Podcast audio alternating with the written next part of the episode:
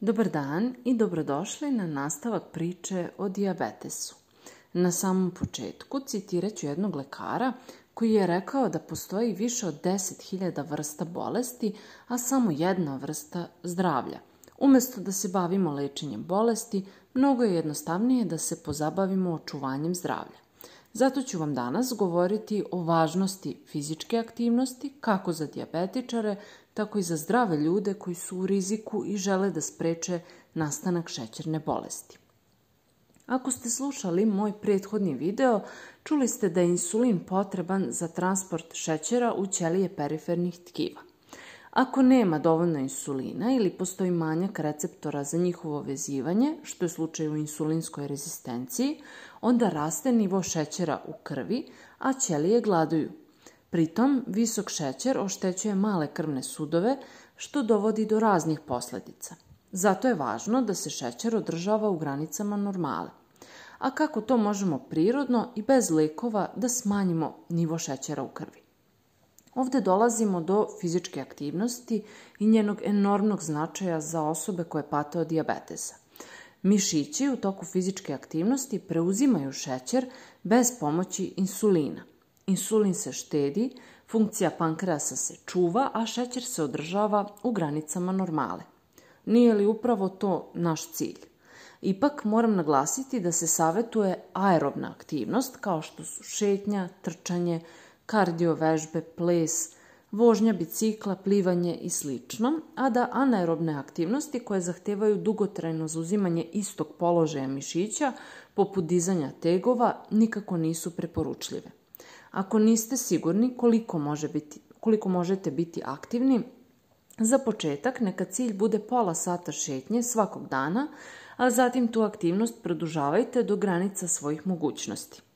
Kada je u pitanju prirodna regulacija šećera, ne smemo zaobići ni ogromnu važnost cinka u ishrani. Za one koji su gledali jedan od mojih prethodnih klipova na temu cinka, nije novina da cink stvara rezerve insulina, pojačava njegovo dejstvo i čak sprečava njegovu razgradnju, pa je njegovo dejstvo produženo. Takođe i hrom je sposoban da pojača efekte insulina. Magnezijum je često nizak kod dijabetičara, a smatra se da sprečava da dođe do komplikacija poput slabljenja vida izazvanog nekontrolisanim dijabetesom. Ako ste diabetičar, trebalo bi uzimati i dovoljno kalcijuma, jer on sprečava smanjenje nivoa vitamina B12, do kojeg često dolazi ako koristite preparate metformina, a manjak vitamina B12 je uzrok e, jedne vrste anemije. Kada postoji insulinska rezistencija, odnosno kada ima dovoljno insulina, ali nema dovoljno prijemnika za njegovo vezivanje na ćelijama, vanadijum je mineral koji može povećati osjetljivost na insulin. On je metal i takozvani mikroelement jer se u organizmu nalazi prirodno u vrlo malim količinama, ali i mala nadoknada može korigovati vrednosti glikemije u šećernoj bolesti. Sve ove minerale možete unositi putem hrane, tako da obroci budu raznovrsni, a namirnice koje ih najviše sadrže možete pronaći jednostavno pretragom na internetu. Jedna korisna navika koja može olakšati održavanje nivoa šećera jeste i upotreba vlakana za vrijeme kaloričnih obroka, Prosto svaki put kada morate jesti neku prženu i masnu hranu ili testo, neka u isto vrijeme na stolu bude servirana, na primjer, zelena salata, čičoka, celer, šargarepa, paprika ili kora krastavca. U opisu ispod ovog videa klikom ovdje možete vidjeti link do tabele u kojoj ćete pronaći namirnice koje su najbogatije vlaknima i tako dobiti ideju za organizaciju svojih obroka. Dijetna vlakna su sastavni deo biljaka koji se ne razgrađuje u tankom crevu, pa ometaju preuzimanje holesterola i šećera iz creva u krv. Tako da ne samo da će pomoći u regulaciji šećera, već i masnoće i smatraju se stubom zdrave ishrane.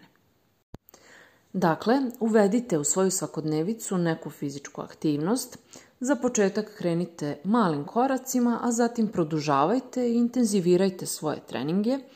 Uvedite ove minerale koje sam spomenula u ishranu, bilo putem hrane, bilo putem suplemenata, u zavisnosti od toga šta vam je prikladnije. I na kraju koristite što više vlakana u ishrani i na taj način ćete mnogo bolje regulisati nivo šećera u krvi.